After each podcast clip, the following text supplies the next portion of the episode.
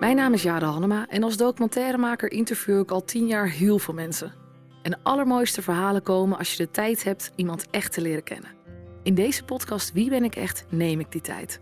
In gesprek met bijzondere gasten ga ik erachter komen hoe zij de zoektocht naar zichzelf hebben afgelegd. Want door naar anderen te luisteren kom je ook steeds meer over jezelf te weten. Natuurlijk is deze aflevering nog steeds gesponsord door de pop-up. En dat vind ik echt gaaf. Podcasts zijn echt steeds populairder aan het worden. Kijk even naar de website popuppodcast.studio en neem jouw verhaal professioneel op, want het is echt, echt relaxed. Luister maar eens naar aflevering 1 van mijn podcast uh, Wie ben ik echt? Dan zie je dus, of zie je niet, dan hoor je hoe slecht die kwaliteit is. En dat is toen prima, maar het is toch wel heel fijn dat je als je de podcast luistert, dat je het ook echt goed kan horen. Ik kreeg een mailtje van een luisteraar. En deze luisteraar heeft aan mij gevraagd of ik wat wilde zeggen op de podcast over wat ze aan het doen is. En dat vond ik zo leuk dat ik dat zeker weten wil doen.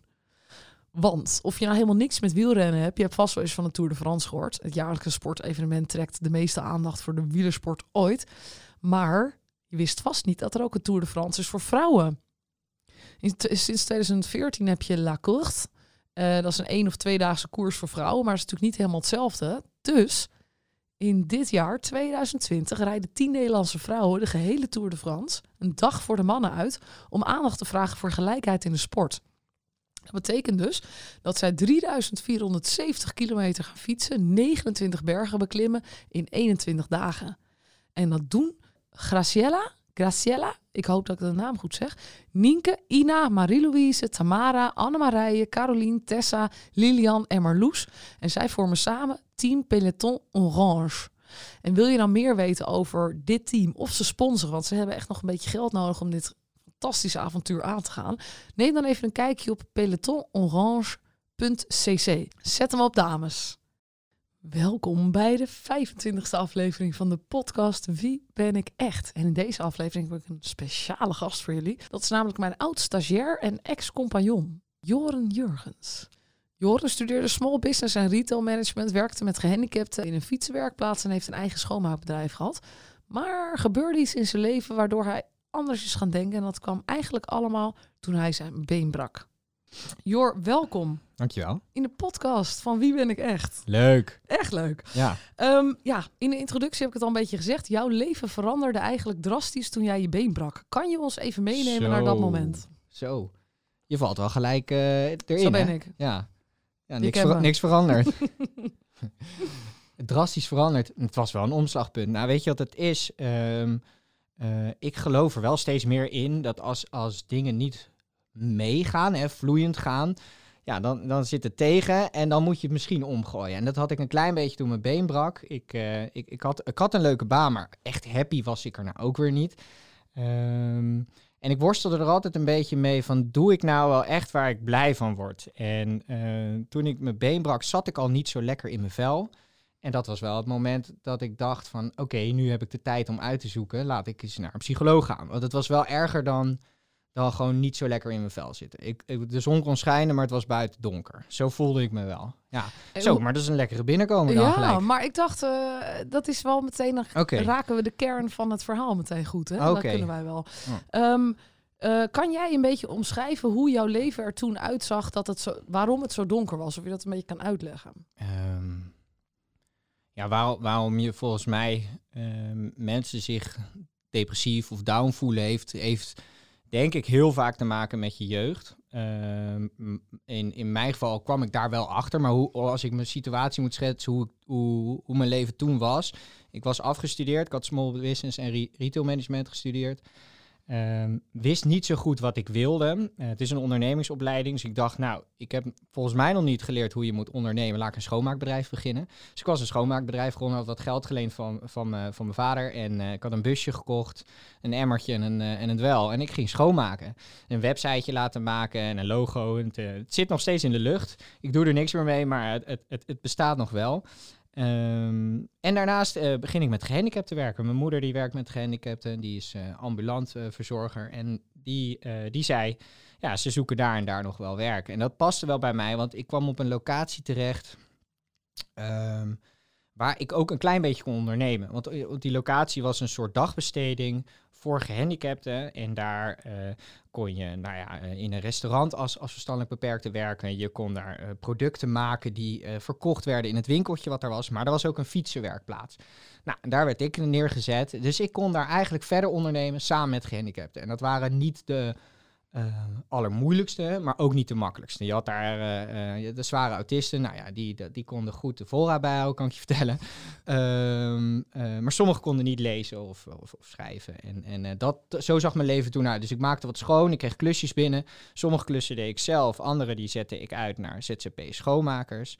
En voor de rest van de week vulde ik bij, in Alphen was dat een, een, de fietsenwerkplaats dat klinkt, als je het zo beschrijft, als best een leuk bestaan. Nou, moet, moet ik ook best zeggen, het was ook helemaal niet vervelend. Ik denk dat, dat je, je, je kan nog zo'n leuke baan hebben en je kan nog zo blij zijn. Of uh, leuk, denken dat je leuke dingen doet, maar niet blij zijn. En dat was in mijn geval zo. Ik, ja, ik werd niet blij van wat, wat ik deed. En, um, en dat had dat had misschien nog niet eens zozeer te maken met wat ik deed, maar meer, ja, waar kom je vandaan en, en wat, hoe ben je opgevoed en wat heb je in je jeugd meegemaakt en uh, ja, dat kan, dat kan later omhoog komen. Ja. Want jij in die periode uh, zocht jij het ook veel in uitgaan, toch? En gewoon uh, dingen proberen niet aan te gaan, juist. Ja, zeker. Ik, ik, ja, je gaat het zoeken in andere dingen en ik ging veel stappen veel uit. Um, um, ik, ja, ik heb ook hier en daar best wel wat, wat drugs uitgeprobeerd. En dat is puur allemaal om te verdoven. Dat, dat vind je, op dat moment denk je dat dat fijn is, maar dat is, uh, nep. En, um, of ik probeerde veel af te spreken met vrouwen en het daarin te zoeken. Maar het is, dat, dat, ja, ik had wel door, dit werkt niet. Maar... Uh, ja. Je zag ook niet echt van hoe kom ik hier dan eigenlijk uit? Nee, nee. En uh, ik voelde me alsnog altijd alleen. En uh, uh, ja, dat werkte eigenlijk niet. En toen brak je dus je been. Toen had je eigenlijk, ja, je had tijd. Je kon nergens naartoe letterlijk. Dus je zat dan thuis. En, en wat gebeurde er toen? Nou, toen voelde ik me wel echt, echt niet goed. En ik besefte al langer, ik moet nu wel wat gaan doen. Want ik was gewoon echt niet niet blij. Um, ja, wat ga je dan doen? Nou, toen ging ik zoeken. Toen ben ik via internet bij een psycholoog terechtgekomen. En uh, ja, dan breekt toch wel een tijd aan. Dat, dan wordt het eigenlijk een beetje erger. Ik denk dat, dat veel mensen dat kunnen beamen. Op het moment dat je gaat zitten graven, wordt het erger. Nou, en deze psycholoog die werkte vooral met mij met het eh, PRI-systeem, Past Reality Integration. Uh, daar sta ik, het is grappig dat je naar vraagt, want nu sta ik daar eigenlijk helemaal niet meer bij stil. Maar toen was ik daar wel veel mee bezig. Kan je uitleggen wat dat precies is? Ja, Best Reality Integration, dat, um, um, dat houdt in dat je, uh, je maakt iets mee in je jeugd. Wat, en dat, dat voor heel veel kinderen zijn bepaalde situaties al eigenlijk te spannend, te, te erg, te, te eng. En om jezelf daarvoor te beschermen, maak je het niet helemaal mee. Uh, maar als je volwassen bent, kunnen bepaalde uh, ja, gebeurtenissen, bijvoorbeeld een relatie of een liedje dat opstaat, of een, of een situatie, je weer terughalen naar, naar dat moment en voel je je hoe je je als, destijds als kind voelde. En als je als kind dus spannende dingen, enge dingen hebt meegemaakt, ja, dan voel je dat dus in je volwassen tijd door een trigger. Maar je hebt het niet door, je beseft het niet dat het van vroeger komt. Ja, en daar ga je dan. Dus dan denk je, ja, ik voel me kloten door, uh, door, door, weet ik veel, mijn werk is niet leuk of ik heb geen relatie. Of ja, waarom voel ik me überhaupt zo slecht? En uh, deze psycholoog die ging echt graven. Die, die bleef maar graven, maar hoe zag die jeugd er dan uit? En ik heb altijd gedacht, ja, dat was toch perfect? En dat denk ik nog steeds. Ik heb een hele, hele leuke jeugd gehad. Ik heb, ja, ik, ik heb een hele fijne ouders en een hele lieve zus. En ik, ik mocht eindeloos buiten spelen. Maar ja, er gebeurden in, in, thuis wel dingen die, die als kind eigenlijk heel erg angstaanjagend waren. Af en toe. En um, um, ja, dat, dat, dat neem je mee. En ik denk dat dat bij heel veel gezinnen gebeurde. Want ja, ja de druk ligt soms best wel hoog in families. Ja. Ja. Um, Leg ik het zo goed ja, uit? Ja, zeker. Ik denk dat de luisteraar denkt, huh, angstaanjagend. Ik weet natuurlijk al meer van jou, uh, dus, uh, maar ik weet niet of je daar dieper op in wil nou, gaan. Nou, um, ik kan er wel het een en ander over vertellen. Kijk, um, bij ons thuis uh, was mijn vader altijd veel aan het werk. die, die was bezig met het opzetten van een praktijk, een fysiotherapiepraktijk. Mijn moeder werkte ook fulltime, nachtdiensten, heel onregelmatig. En die deed dus eigenlijk de opvoeding met ons. Daarna speelde in onze familie het een en ander. En ehm, ja, daar werd mijn moeder niet blij van. Eh, sterker nog, daar ging ze niet goed van in haar vel zitten. En ehm, ik denk dat je het de beste kan uitleggen als, kijk, jou, als je als kind is je eerste relatie met een man, je vader, en die, en, en die eerste relatie met een vrouw is je moeder.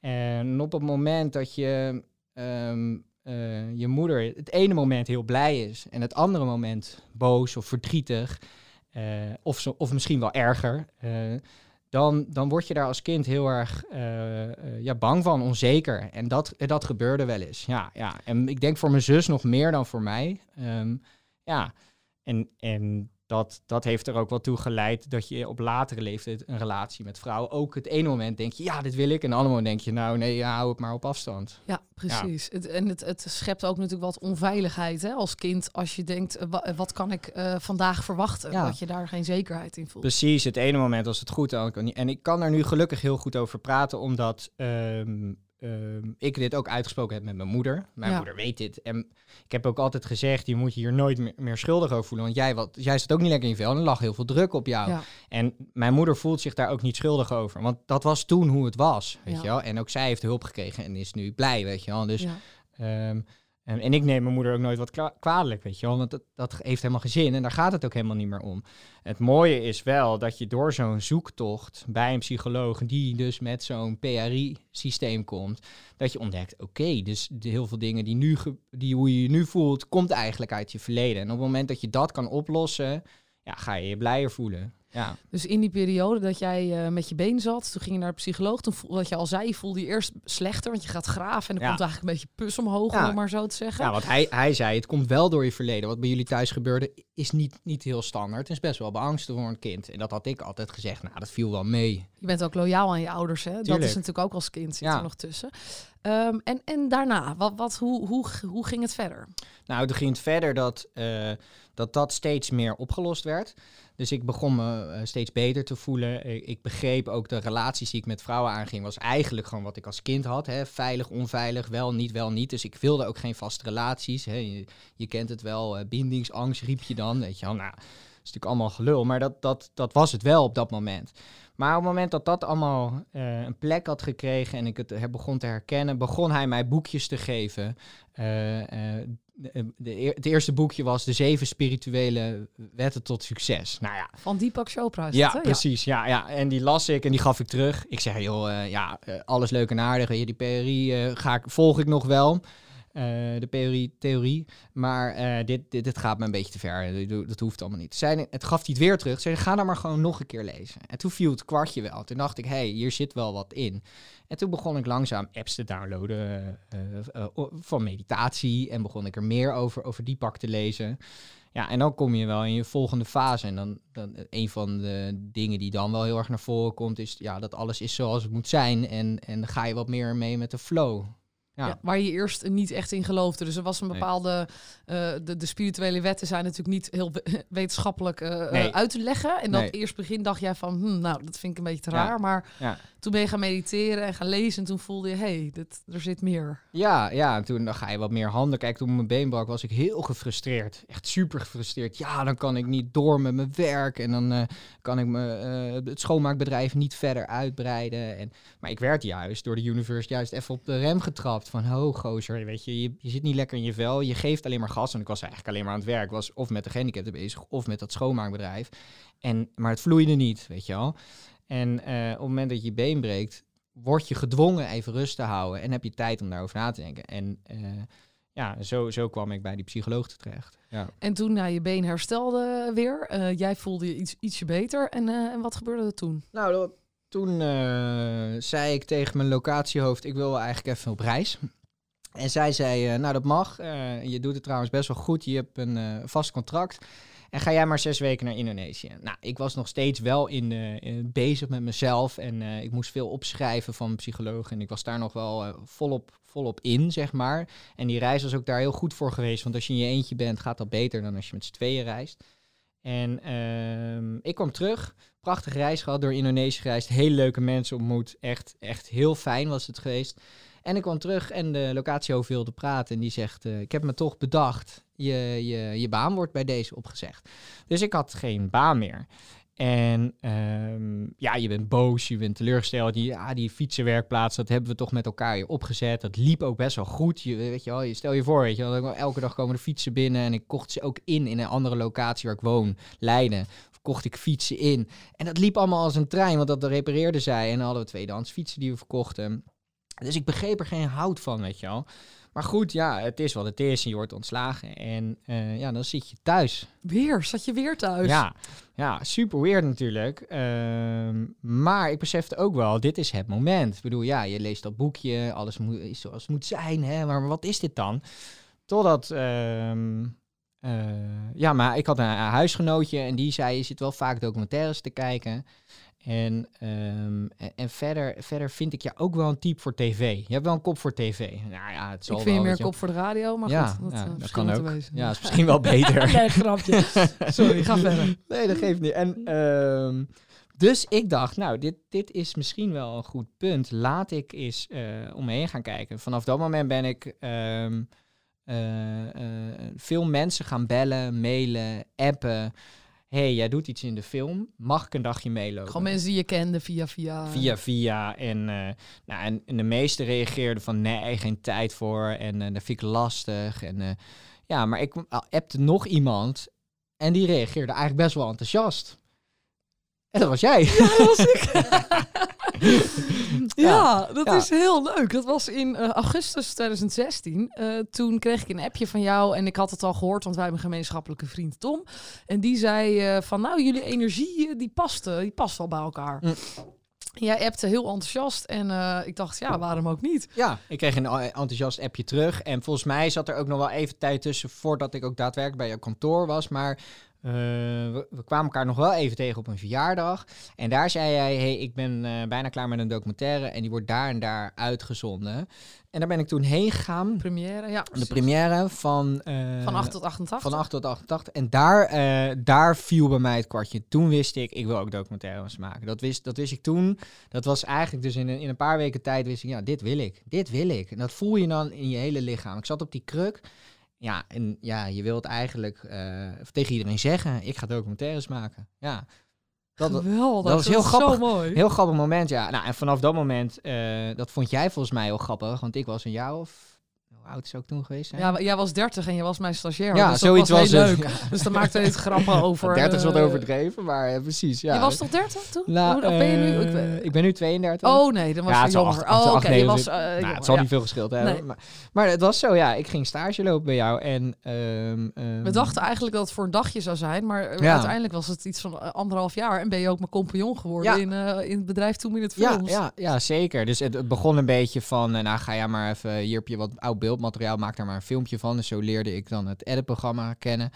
En eh, ja, vanuit daar ging verder. Dus op een gegeven moment mocht ik een eh, hengel vasthouden, geloof Ja. ik. En, eh, en toen mijn ouders merkten van, ja, dit wordt wel wat serieuzer. Toen, eh, toen kon ik nog een lening bij ze afsluiten. Eh, eh, toen heb ik een computer gekocht en toen kon ik voor jou editen. En zo heel langzaam aan kon jij mij... eh, Ook een beetje betalen. ja, precies. Dus toen ging het van gelukkig van een stagiair over. Nee, stagiair was een prima tijd. En toen gingen we over in eh, eh, ja, in eh, kon je mij betalen als Ja. ZZP'er. En eh toen gingen we groeien. En volgens mij zei ik al heel snel, dat was eigenlijk wel gek eigenlijk, dat ik tegen jou zei, jij moet weg uit dit kantoor. Ja, ik zat in een soort donker ka- kantoor, inderdaad, een beetje ergens achter. eh, en Mm. jij, ja, we moeten weg hier, want dit Ja. is niet, niet eh, een lekkere plek. Ja, En ik ging daar wel in mee, Ja. dat dat een goed idee was. Ja. kwamen we inderdaad bij een veel betere plek terecht. ja, ja. En vanaf daar eh, zijn we het gaan uitrollen. Jij was natuurlijk jaren in media en ik, eh, ik, ik had volgens mij Your en eh Your me- en Media. Ja, ja, had je even snel opgezet. om, Ja, eh, even ja, gewoon. eh, en jij had nog wat op de plank liggen. En dat was toen in het films. wat En- even afgestoft moest worden, was een idee inderdaad. De mens achter het bedrijf in twee minuten. ja, super cool. Dat lag op de plank. En jij zei, nou, waarom, eh, waarom gaan we daar niet iets eh, mee doen? Dus dat hebben we samen. Volgens mij zijn, hebben we dat ook als VOF. Hebben Ja, ja, ja, ja. zeker weten hebben we VOF gehad. Eh, en wat, wat ik daar heel veel heb geleerd is eh, editen. Want wij gingen vloggen. Ja. We, hebben, we hebben een jaar lang. Dat wil ik meteen zeggen. Van als mensen denken, nou, daar ben ik wel benieuwd naar. Moeten ze even naar Two Minute Films Facebookpagina. Dan kan Ja. je bij video's kan je ze allemaal zien. De Ja. ene is, is heel flauw en de andere is heel leuk en de andere is heel stom. Maar het is wel heel erg leuk, ja, ja. Het is een soort dagboek voor ons geworden. Ja, en en het, eh, we zeiden tegen elkaar, we doen het een jaar. En we hebben het precies 52 weken gedaan.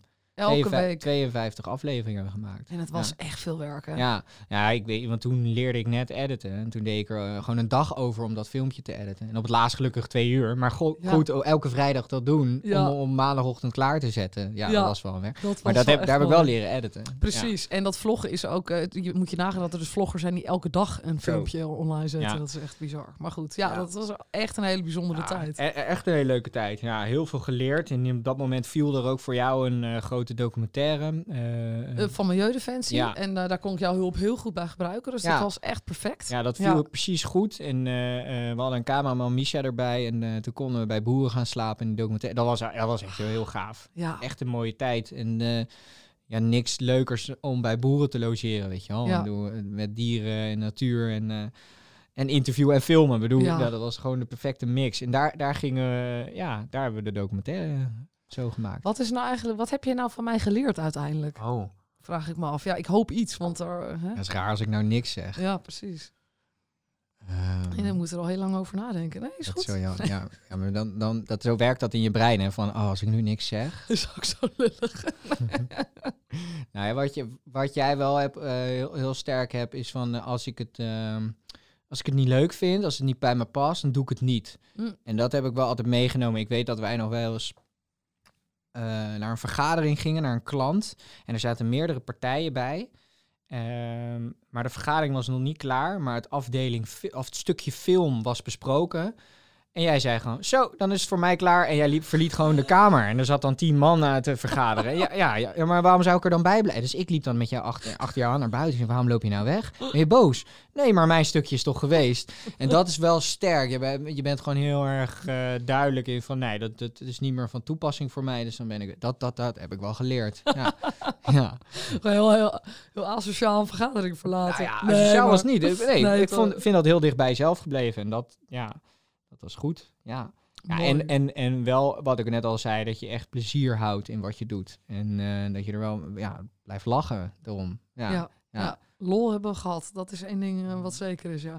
Nou, zeker. nou had jij natuurlijk die zoektocht en heb, ja, heb je best wel ook wel een heftige tijd gehad waarin je gewoon lang niet goed voelde. En dat Ja. was best nog wel, ook in de tijd dat je bij mij stage liep, ook nog wel echt even Ja. klimmen natuurlijk. Het Ja. was, en dat ging ook nog wel eens, eh, ging je dus even op je smoel en dan Ja, nou ja dat, dat, dat, dat monstertje bleef wel. Weet je. Ik, ehm, ik bleef wel echt naar, eh, naar parties toe gaan. En eh, ik kon me daar dan wel toch in verliezen. Weet je, wel, net iets langer doorgaan dan de rest. Of, of ik zocht dan toch nog wel het geluk in, in, dates. En, en, maar ja, op een gegeven moment valt dan toch het kwartje van... nee, hier word ik echt niet blij van. Dit is gewoon echt niet wat ik wil. En dan heb je af en toe ook wat hulp van hier en daar nodig.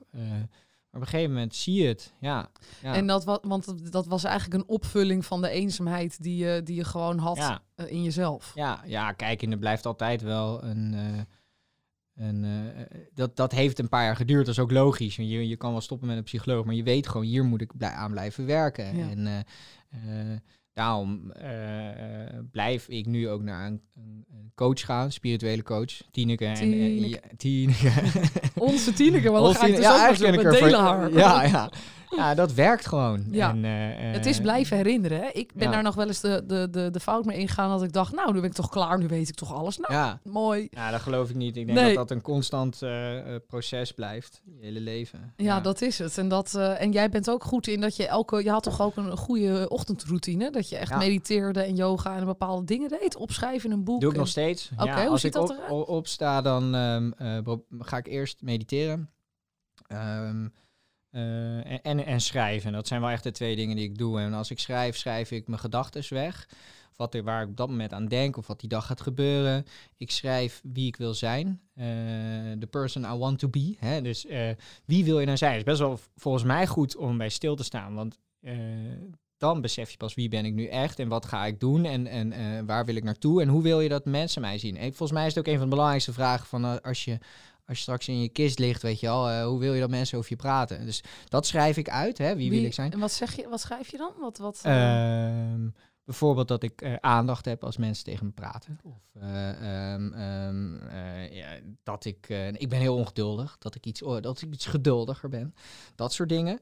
En, ehm, en als laatste schrijf ik op waar ik dankbaar voor ben. Dus die drie dingen. En dat doe je elke ochtend. Bijna elke ochtend. Nou, dat ja, is ik sla wel eens wat over. En ja, dan ga ik ontbijten. En, en heel soms sport ik eventjes wat in huis. En dan, dan ga ik naar kantoor. En jij merkt echt dat dat jou scherp houdt in, dus in gedurende de dag, zeg maar. In beslissingen die je moet nemen. En... Weet ik niet, weet ik niet. Het geeft vooral, eh, eh, misschien is het ook een stukje controle. Het is ook gewoon relaxed. Als Ja. je wakker wordt en je, en je gaat me- 10 minuten mediteren, weet je hoe fijn dat is. Wij nu de app eh, Waking Up. Ik heb heel lang Headspace Ja. gebruikt, maar Wa- Waking Up is ook echt supergoed. Ja, ik denk gewoon, als je gelijk gas erop geeft, ja, ik weet niet, dat eh, geeft voor mij geen goed gevoel. En op het moment dat je mediteert, ja, start je de dag, dag toch even wat relaxter. Ja. Ja.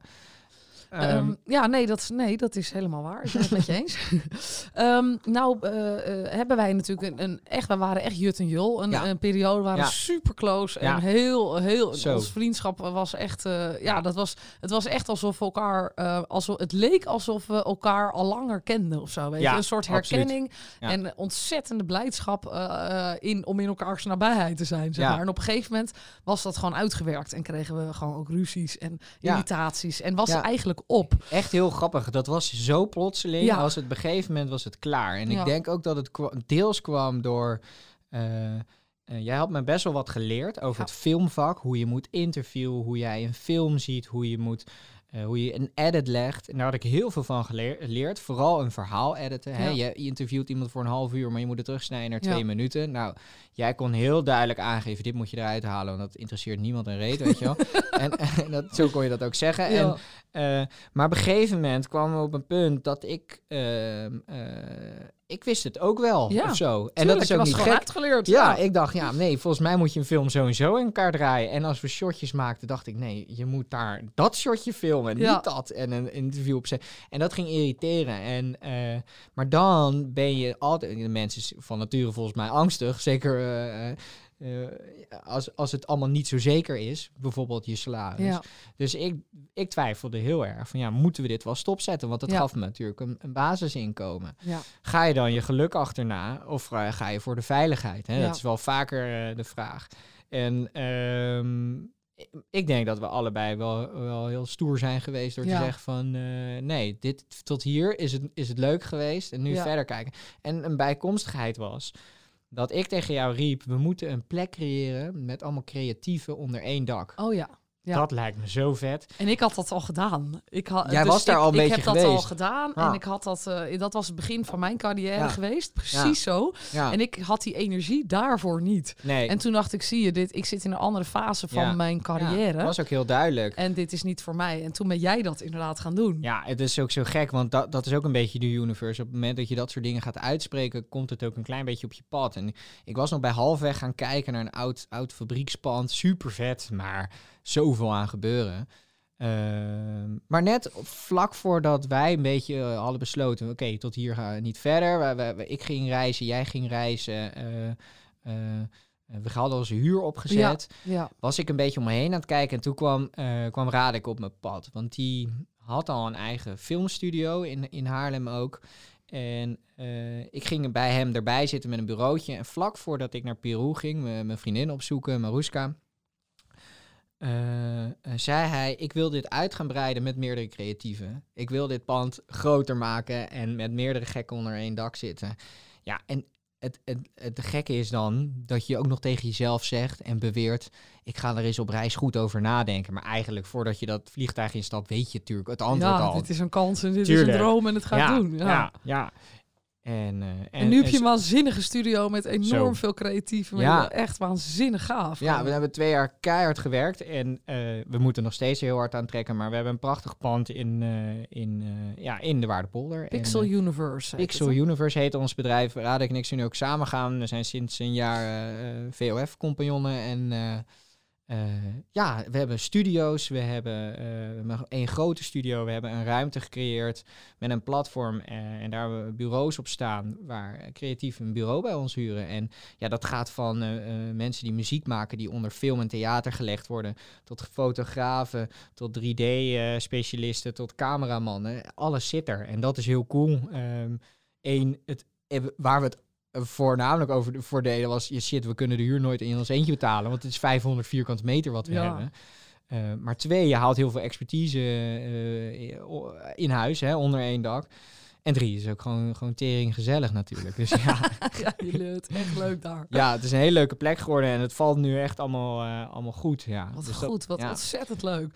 Want hoe is het nu met je? Hoe zijn, hoe zijn de dagen nu voor jou vergeleken met een paar, een paar jaar geleden dat je af en toe donkere gedachten Ja. had? Hè? Ja, ik heb geen donkere dagen meer. Daar ben ik wel echt heel blij om. Eh, Geen enkele? Nee, ik ben eh, niet Oh, meer zo mooi. Ja, nee, niet meer zo zwart als toen. Nee. Ik kan nog wel, wat ik, waar ik echt mee moet oppassen, dat merk ik wel heel erg aan mezelf. Ehm, ik, ik vergelijk soms, eh, dat heeft, eh, heeft een vriend van mij wel eens tegen me gezegd, jij bent nu zeven dagen per week met je werk bezig. Hè? Je, je, werkt er zes en eh, de zaterdag ben je je hoofd er wel mee bezig, of, of toch wel even een telefoontje of dat. Eh, die vergeleek het wel eens een beetje met een topsporter. Hij zei, je bent elke dag met je bedrijf bezig. En daarvoor moet je wel goed uitgerust zijn. En moet je goed in balans zijn.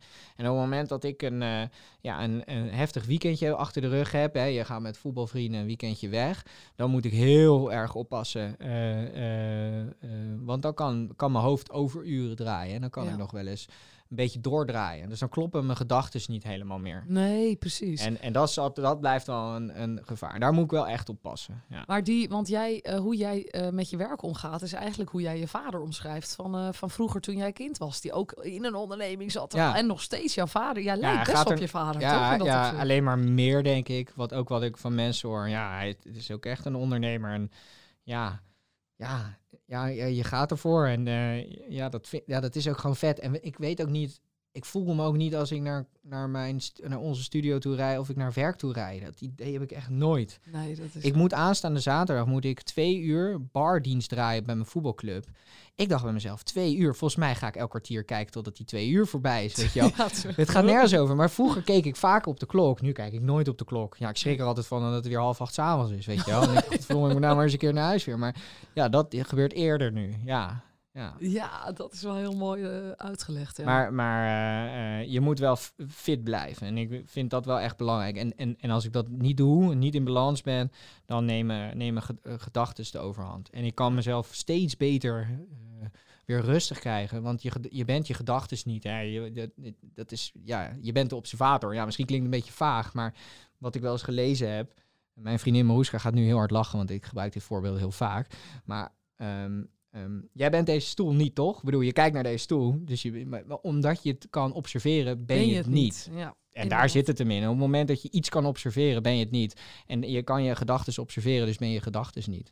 En dat en- is een hele wijze les die denk ik eh, enorme impact he- hebt- heeft op je dagelijks Ja. leven. Omdat je daardoor jezelf niet meer gek hoeft te maken met, Nee. met paniekgedachten. Nee, want je bent die gedachten helemaal niet. En sterker nog, als je, als je die gedachten toch kan sturen, waarom stuur je ze dan niet af en toe, weet je wel? Want ja, we hebben ook wel eens een, iemand geïnterviewd, weet ik nog wel, en die zei, eh, eh, eh, je gedachte bepaalt je gevoel, bepaalt je gedrag. Sandra Brandt, ik Ja. weet nog precies wie Ja. het was. Ja. En, en, maar dat klopt natuurlijk wel. Ik bedoel, ik bedoel eh, als je blije gedachten hebt, voel je je ook blijer en, en, en doe je ook blijere dingen. Zo werkt het natuurlijk. Ja. Nou, voor de luisteraars die jou niet kennen, jij hebt een, een enorm aanstekelijke, jeugdige energie. Oh. Ja, dat is gewoon zo. Dat, is gewoon- dat ben jij niet verloren sinds ik je ken.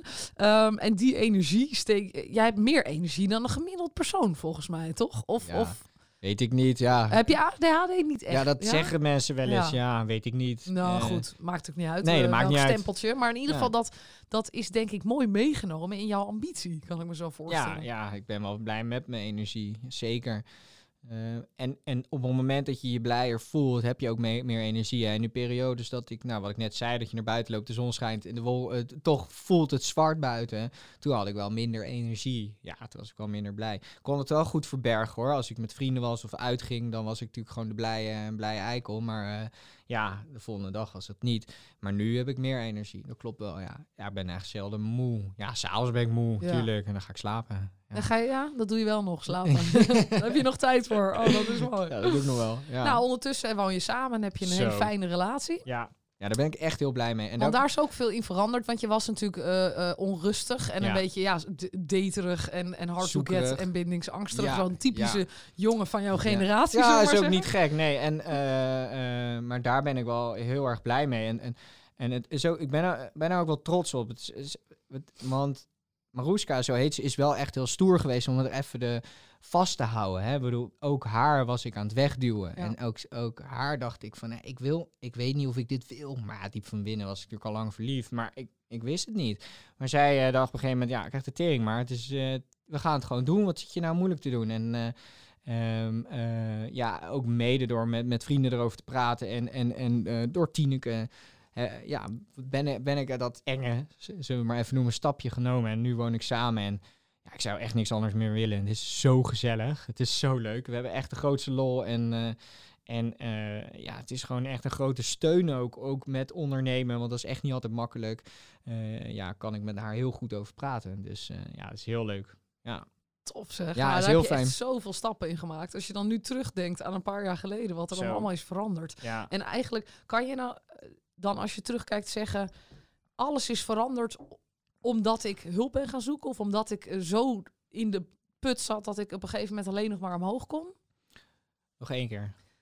Ja, Nee, eh, dat weet je niet meer natuurlijk. eh, Nee, weet nee, ik nee. Ik weet ook wel als ik een vraag stel, dan denk ik, ja, Nee, ik nou. Nee ik, nee, ik weet het wel. Het moment dat jij, ja, dat je nu kan terugdenken, waar is het echt veranderd? Is dat die Ja. enorme depressie geweest eigenlijk? Of het thuiszitten? Ja, wat, wat is het geweest? Tuurlijk, ja. Ik denk dat als ik, als het, als je, ja, ik, laat ik het zo zeggen, als ik me oké had gevoeld, hè, dus niet down, maar ook niet super happy, dan was ik daar nog steeds. Dan had ik nog steeds, en dat was prima geweest, dan had ik nog steeds met, met die gehandicapten gewerkt en mijn schoonmaakbedrijfje, en dan, dan sukkelde dat allemaal een beetje aan. Maar omdat ik daar niet happy mee was en omdat ik me down ging voelen, daarom ben ik ook zo dankbaar voor mijn jeugd. Het was, was soms spannend, maar daardoor ben ik wel in, op latere leeftijd ja, me down gaan voelen. Maar daardoor is er wel een verandering geweest. En daardoor ben ik nu wel op een pad gekomen waar ik wel gelukkig van word. Daar geloof ik echt in. Ja, dat is heel mooi gezegd. Want eh, eh, men zegt wel eens, ik gun je een, een, go- een goede crisis. Want dan gebeurt er iets met je Ja, leven. Want niks is ergers dan natuurlijk door Absoluut sukkelen waar. en, en zo'n vlak gevoel eh, Ja. over het leven. Ja, en dat heb ik eh, totaal niet. Het is wel echt pieken en dalen, maar eh, ja, er zijn vaker pieken. En dat is gewoon ja, een lekker gevoel, toch? Je wordt Ja. er blij van. En eh, ik denk dat je ook daardoor ook wel weer makkelijker dalen aan kan of zo. Ja. Tuurlijk. En als jij nu 's ochtends opstaat, waar, eh, waar ga jij je bed voor uit? Welk deel van je Ehm, werk of wat, wat wil jij, wat is jouw missie? Nou, eh Radek en ik die hebben wel al, al langer tegen elkaar gezegd. En dat is ook een van mijn, nou, laat ik niet zeggen passies, maar ik vind het wel echt super interessant, is financiële onafhankelijkheid. Wat ik heel graag zou willen, is, een, is iets waardoor je constante stroom basisinkomen hebt, zodat je dingen kan gaan doen waar je heel blij van wordt. En dat doen we al een klein beetje, maar daar kunnen we natuurlijk nog steeds meer naartoe. En op het moment dat je, dat je iets doet waar je super blij van wordt, word je, stop je daar al je tijd in. Word je er super goed in. Het is een soort cirkel. En word je er ook nog eens goed voor betaald. Wat dan later weer komt, weet je wel. En wat ik heel graag wil is documentaires maken. En daar ben ik al mee bezig. En dat, dat gaat hartstikke goed. Ehm, maar ik vind het zo interessant hoe wereldwijd er geleefd wordt. En ik vind het nog leuker om daar oordeelloos naar te kijken, het vast te leggen en het anderen te laten zien. Dat is wat ik heel graag wil. En om daar dichterbij te komen en dingen te maken die ik belangrijk vind, die ik leuk vind, dus zonder dat iemand anders me daarvoor betaalt, ja, heb ik een basisinkomen nodig. En daarvoor zitten wij, zetten wij onder andere nu Pixel Universe op om, eh, ja, kijk, wij verhuren die studio's, we verhuren die werkplekken, we, we krijgen films binnen die we kunnen produceren. Ja, als dat nog een klein beetje groeit, is dat gewoon onze basis waar we één heel blij van worden. Dus het is niet zo, we doen dat er maar even bij, want het, eh, maar, want het levert geld op. Nee, we vinden dat al hartstikke leuk en het levert geld op. Nou, als dat de basisinkomen is en je houdt nog een aantal dagen eh, per week over om, om echt mooie films te maken die, eh, die ik belangrijk vind, ja, dat is mijn doel. En daarvoor, daarvoor sta ik op en daarvoor ben ik nu dit aan het opbouwen. Ja. Tof joh. En wat vind jij, eh, zo, want jij bent heel goed inderdaad, en dat is echt jouw kwaliteit, eh, om, doordat je ook die ervaring hebt met gehandicapten te werken, Ja. met mensen ehm, zijn die die echt wel anders zijn. Ik Ja. weet dat jij nu een documentaire over Ja. verslaafde eh, broers aan het maken bent. En ik ben één keer mee geweest en ik vond het Oh echt heel heftig. Maar hoe jij met eh, die gast om bent gegaan, en dat vind ik heel bijzonder. Ja, dat is gek, hè? Ja, eh, eh, zal ik daar kort wat over Ja, vertellen? zeker. Dus een familie uit Leiden, negen kinderen. Ehm, van die negen kinderen eh, zijn er zes jongens, drie meisjes. En van die zes jongens zijn er uiteindelijk vier verslaafd geraakt aan heroïne, cocaïne en drank. En van die vier verslaafden zijn inmiddels twee overleden. Maar drie daarvan wonen in één flat. Drie broers in één flat verslaafd. Nou, weet je, dan heb je mij al van hoe, hoe gaat dit dan? Hoe kom je nou zo? En ben je gelukkig met jezelf? Of, eh, of denk je, shit, had ik het maar anders gedaan? Dat soort vragen komen dan in me op. En die, ja, die gasten die zitten onder de tattoo in hun gezicht en eh, ja, zien, er eh, zien eruit als een verslaafde. Ehm, dus die ben ik gaan volgen. Ja, en als je in zo'n flatje komt, ja, het is niet... Ja, ja, ik zou het anders inrichten, laat ik het zo zeggen. Ja, want het is niet ingericht, zeg maar. Ja. dus eh, eh, ja, dat is heftig, maar wel heel interessant. En ehm, eh, nou, een, een, een, een onderdeel daarvan is nu dat, dat er, ja, er is er één overleden en weer een ander is eh, ehm, opgenomen in een, eh, in een eh, kliniek. Die zit daar nog steeds Ja, voor demente mensen, want hij heeft Korsakoff gekregen. In Ah. ieder geval, hij kan niet meer... door de drank. eh, waarschijnlijk wel. Of hij is altijd al beperkt geweest. Dat zou kunnen, Ja. weet ik niet zo goed. Nee. Maar dat maakt niet uit. Dan hou je nog één persoon over en die zit in die flat. En dat is, dat is Dennis. En ja, wat je zegt, met Dennis heb ik, ja, die volg je al een paar jaar. Ja. Ja, je krijgt een bepaalde band, hoe gek dat ook is. En hij, eh, hij, heeft iets stouts, maar ook iets super liefs Ja. en sociaals. En ja, ik, krijg daar, ik heb daar een zwak voor. En ik, je kan, ik, prik, ik weet niet of ik er doorheen prik, maar het maakt mij dan eigenlijk niet zoveel uit wat hij allemaal flikt of zo. Ja, ik weet niet. Als ik dan een gesprek met hem heb, krijg ik al een warm gevoel. En ja, daar, dat vind ik super interessant. En het gekke is, weet je, laatst is hij uit zijn huis gezet. Dus zijn huis werd ontruimd. Wij zijn bij die ontruiming aanwezig geweest. We hebben gefilmd. En dan zegt hij ineens, ja shit, er zit nog boven iemand, een Arabier. Heeft hij een van die kamers verhuurd? Moeten we als een gek naar boven? eh, ja, een, een verslaafd vertellen dat huis ontruimd wordt. Oh mijn god. En vervolgens zegt hij, shit, er zit nog iemand in de schuur. Dus wij om het huis heen gelopen naar de schuur. Lag er iemand in die schuur Nee, te tukken. echt? Ja, dat hebben we allemaal gefilmd. Dus het, eh, ja, dat vind ik, dat vind ik. En dat gebeurt allemaal gewoon in een, in een, in een net buiten het centrum van Leiden. Het is echt Ja. niet eh, in een ander land Je of hoeft er niet voor ver voor dat nee, dat is echt allemaal gewoon hier. En dat, dat vind ik zo bijzonder. Ja, ja. En wat zou jij met deze docu dan de mensen graag willen laten zien? Nou, ehm, allereerst vind ik het bijzonder om gewoon te kijken. Kijk maar gewoon eens. En, en eh, eh, probeer, de- probeer niet te snel te oordelen. Ga eerst maar eens kijken. Aan de andere kant eh, vind ik het ook wel goed. En zeker voor de leienaar, die, die deze mannen ook vaak kennen. Want ze lopen veel over straat. Want ze verkopen de gratis boemerangkaarten. Die verkopen ze. Die verkopen ze. Ja, die halen ze in het restaurant, die verkopen ze. Eh, of verkoopt Dennis. Hij is er nu ja. nog één. En eh, ehm, ja, ik weet niet meer zo goed waar ik was gebleven. Maar eh, Wat oh, dat wat ik wilde ja. laten zien. Ja, nou, dat, dat, eh, dat daar ook een verhaal achter zit. Weet je wel. Dat je ze niet hoeft weg te schrijven van, oh, dat is een junk, laat maar. Of nee, zo. zo. eh, en ik, ik, zo erg is het nou ook weer niet dat je die persoon geld geeft. Hij koopt er ook drugs van, maar hij koopt er ook eten van. En ook, ook koopt er ook bier van, maar hij koopt ook een banaan. Ja, ja. En het Oh, zit, dus jij zegt, van, ge jij zegt eigenlijk van, geef die mensen nou wel even wat. Want Ja. ja, ze zitten... Want ze zijn nou eenmaal verslaafd en Ja, Dat is kijk, het, ik, ik heb met Dennis afgesproken, ik ga jou nooit geld geven eh, voor drugs. Dat heb heeft hij wel geprobeerd, Heeft toch? hij het wel eh, geprobeerd? Ja, dat is ook niet makkelijk, omdat ehm, Dennis eh, heeft ook heel vaak aan mij uitgelegd hoe het werkt als heroïne uitwerkt. En dat is, dat is een heel naar gevoel. Je gaat helemaal spartelen op de grond, het doet zeer, je voelt je super raar en kut en je wordt ziek. Hè?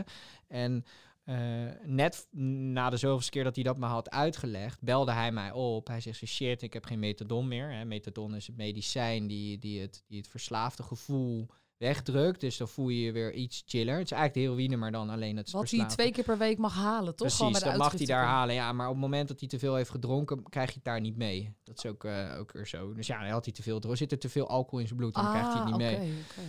Dus dan belt hij op en heeft hij wel eens gevraagd, mag ik een tientje? Ja, dat is heel pijnlijk om dan te zeggen, nee, ik doe het niet. Maar goed, als hij over straat loopt en met mensen geld vraagt, en hij, hij doet dat heel netjes. Hè? Ja. Dus hij vraagt ook van, joh, eh, eh, ja, mag ik wat geld voor eten? Hier heb je mooie kaarten, maar je mag hem zelf uitzoeken. En eh, duizendmaal dank, zegt hij altijd. Ja, hij doet dat heel lief, inderdaad. Ja, ik, ja. ik heb het natuurlijk ook een keer meegemaakt. Ja. Maar, maar toch denk ik van ja, ehm, maar je kan je wel voorstellen toch dat mensen denken, ja, maar ik ga jouw drugs toch niet, niet, niet supporten. Ja, wat, dat wat, snap ik wat, ook. wat, wat heeft die andere persoon? Ja, dat is toch niet lucratief of zo Is voor, ook voor beide partijen. Is ook zo, want ja, hij heeft geen baan. Hij werkt niet. Dus ik kan me voorstellen dat mensen denken, ja, wat heb ik hier nou aan? Aan de andere kant, hun vader was ook verslaafd. Ja. En waarom was die vers- vader verslaafd aan heroïne? Ja, die heeft weer zijn eigen vader doodgeschoten zien worden in de Tweede Wereldoorlog. Oh. Kijk, eh, dat je dan een klap van de molen krijgt en naar dingen grijpt om jezelf te verzachten, om, om even niet in het nu te zijn, om even gewoon, ja, eigenlijk jezelf te verdoven voor alles wat, wat er gaande is. Vind ik het niet gek dat er mensen zijn die verslaafd raken. Zeker niet als je dat soort lijpe shit meemaakt. En, ehm, eh, en als jij weer opgegroeid wordt met een vader die verslaafd is, en dat is je standaard, en jouw papa die vraagt aan jou op je vierde, draai eens even een checkie voor me. En op de elfde krijg je, krijg je al een pilsje aangeboden. Ja, wat is dan, weet je wel, hoe, hoe kan ik nou boos zijn op een Dennis of, of, eh, of een Iwan als dat je jeugd is geweest? Dat gaat bij mij gewoon niet. Nee. En denk, ja, dus dan kun jij wel, en Dennis zegt zelf ook, ik ben al 30 jaar verslaafd. Ja, ik ga daar niet meer vanaf. Nee. En als, een, als, als iemand zo denkt, gaat hij ook nooit meer van die drugs afkomen. Dus wat heeft het nou voor nut om dan er voorbij te lopen en, en te denken, mijn leven is veel meer op orde. Ik geef geen geld. Ja, dat, dat zo, zo, zo denk ik erover. Ja, Dat, eh, nee, dat, ik vind dat heel mooi dat je dat op deze manier uitlegt. Want kijk, dat is, orde, dat is echt oordeelloos kijken. Zelfs met veel compassie Ja. kijk jij naar Ja. Dennis. En neem niet weg, want daar gaat de documentaire over. Want de documentaire gaat, over, gaat, gaat niet over eh, de verslaving. Want er zijn al duizend documentaires over gemaakt. Deze documentaire gaat erover dat eh, hoe gaat die familie ermee om. Dus we filmen ook een nichtje van, van hem. We filmen ook een zus van hem. En de, de documentaire gaat de kant op van ja, het blijft toch je familie. Hè? Het Ja. is en blijft toch je familie. En, en ik zie wel heel veel eh, pijn voor die familie. Dus ik, ik heb het meer te doen voor de, voor, voor de mensen die een verslaafde familielid hebben Ja. of vriend. Want ja, die, die, die, moet, ja, die, die kopen voor de zoveelste keer een telefoontje eh, en die wordt gewoon verkocht, weet Ja. je wel. En, en dus voor hun vind, begrijp ik het wel. Is echt, echt niet makkelijk. Nee. Nee. Want het gaat natuurlijk in Nederland er vaak over, over het, eh, het probleem in de zorg. En dat Ja. mensen met psychische klachten eigenlijk niet meer goed geholpen kunnen worden. Vanwege Ja. bezuinigingen, et cetera. Ehm, eh, nou is Nederland wel, denk ik, voor Dennis het beste land om Zo. te kunnen zijn. Want ja, in Amerika heb- eh, laat ze helemaal op straat liggen. Ja. Ehm, eh, wat, wat vind jij, want jij hebt ook in de Mm. zorg gewerkt, nou dat, dat Nederland zou moeten doen om Dennis te helpen? Wat, wat zou Dennis nog nodig kunnen hebben extra? Oeh, ja. Ik vind het ook wel lastig. Kijk, Dennis zit nu in een eh, dak- en thuisloze opvang. Hè, en die slaapt met zes anderen op een kamer. Dat vindt hij best wel pittig. Maar wat gebeurt er? Hij moet, om daar te slapen, moet hij, eh, geloof ik, drie keer per week vegen, noemt hij dat. En dat is dat je als met een groepje, met zo'n prikker door de stad loopt om vuil op te prikken. Wat gebeurt er nou? Dennis vindt het zo leuk dat hij elke dag daar is. Dus hij staat elke dag vroeg op. Hij is elke dag bij het prikken en hij heeft weer een ritme. Oh, Ja, dan denk ik, ja, dat, dat gaat eigenlijk best wel goed. Ja, niet dat hij wil liever natuurlijk naar zijn eigen kamer. Hij moet dat nu delen. Nou, daar zijn ze over aan het nadenken. Kijk, dat, dat vind ik dat Nederland helemaal niet zo slecht doet. En ik kan me wel voorstellen, ja, als je zo'n jongen weer in een huis plaatst, die neemt junks in huis, dat geeft overlast voor, voor, voor de buren. Ja. Dat, daar ben ik ook geen voorstander van. Maar Nederland doet het wat dat betreft echt niet slecht. Want wij zijn dan ook zo'n ja, een ochtendje mee geweest met dat vegen, met dat prikken dus. Ja, dan gaat er zo'n begeleider mee. En denk ik, wauw, dat is echt knap. Met een groepje. En het zijn echt een, paar gekken bij elkaar. Maar echt super gezellig. Maar ze zijn knettergek. verslaafd. En die gaan 's ochtends vroeg prikken door de stad. En denk ik, zo'n begeleider doet dat wel echt knap. Daar, daar heb ik echt respect voor. Die zouden ook wat mij betreft veel meer geld moeten verdienen. Ja, natuurlijk. Ja. Ja. Eh, en Dennis, ehm, die vindt het dus ook leuk. Dat vind ik wel Ja. verrassend eigenlijk. ja. ja, hij is heel enthousiast erover. En ehm, eh, ja, ze vinden natuurlijk ook wel eens een tientje op straat. Of ze vinden Ja, dus ze krijgen er ook nog wel wat uit. Ja, ook. Maar of ze verzamelen het. En eh, dan gaan ze met z'n allen bolen. Nou, dan zegt hij ook van ja, vind ik zo leuk. Gaan we met z'n allen bolen. Weet je wel? Terwijl, en dan gaan ze dus geen drugs verkopen. Of wat is die bege- begeleider Die natuurlijk bij? begeleider die dat houdt beetje, dat geld natuurlijk. Ja, ja, ja, ja, ja, Dus zo gaat dat. Dus ze doen echt wel.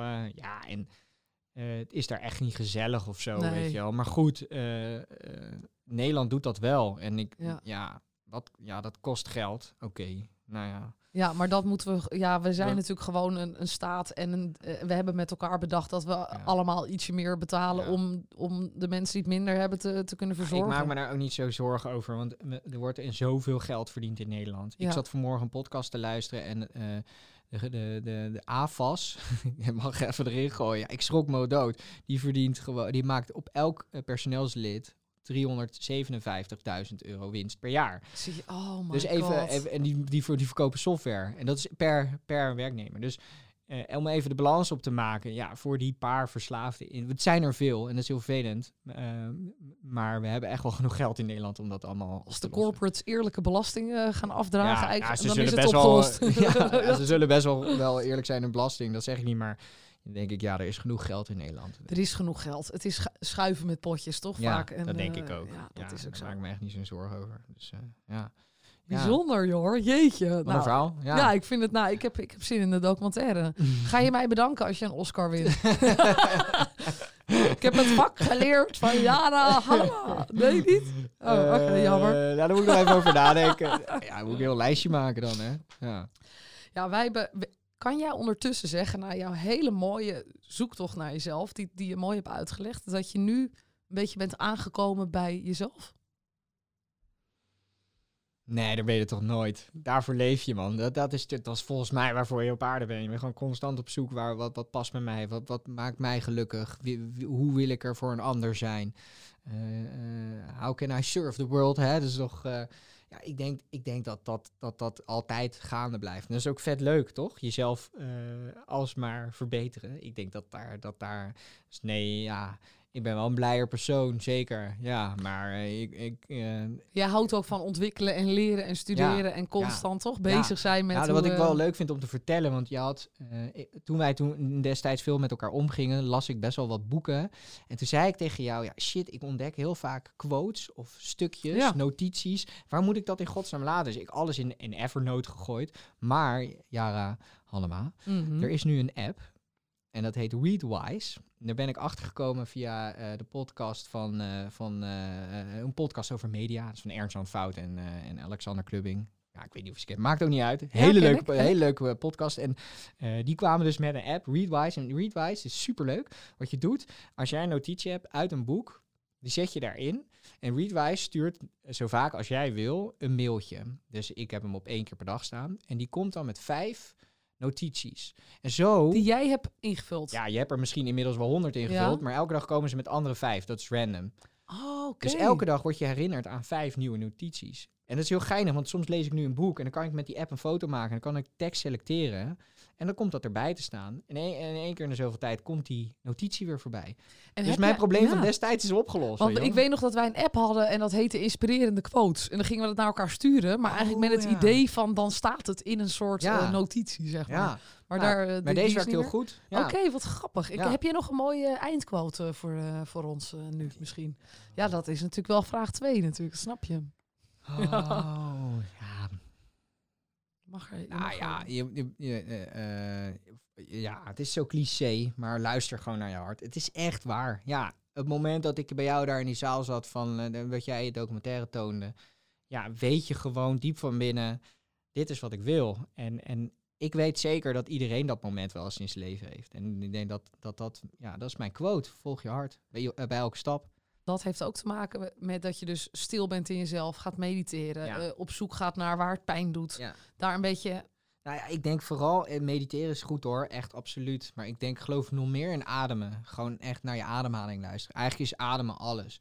Ik ben wel eens eh, in een voetbalwedstrijd, ik neem, neem maar even een voorbeeld. En dan ben ik moe, merk ik tijdens de wedstrijd. Maar dan neem ik een paar goede diep in- en uitademhalingen. Tijdens die wedstrijd, kan gewoon. als je speelt, niet Ja. als je support. Nee, oké. Nee, ja. gewoon, en dan, en dan heb ik ineens energie. Dan gaat het weer. Weet je, je, je- ik geloof dat alles valt te staan met die ademhaling. Want dan kom je bij je innerlijke ik. En die heeft altijd energie. Die is altijd in balans, weet je wel. Dus ja, ja misschien is het een beetje te vagig voor Nee, mensen. nee, maar ik, ik snap je goed. Maar met, met je innerlijke ik bedoel je, dat is buiten je gedachten om. Hè? Want daar, Ja. dat, da- daar ben je observator van. ja. Maar er zit nog iemand daarin. Nee, dat, is, dat is de observator eigenlijk. Ja, De observator van je gedachten is jouw innerlijk ik, Ja. die altijd oké is, zeg maar. ja, dat denk ik wel. Ja. En door die ademhaling kom je weer even terug ja. in wie je bent. Ja, je kan het ook doen voordat je een belangrijke presentatie ingaat. Of eh, eh, eh, als je een belangrijk moment ingaat. Of als je je even gestrest voelt of onrustig. Of, Ga je naar je buik ademen en dan Ja. voor de rest probeer je niet na te denken. Steeds vaker doe ik dat. Ja. Ja. En daar geloof ik echt in. Ja. En dat komt ook onder andere van Tineke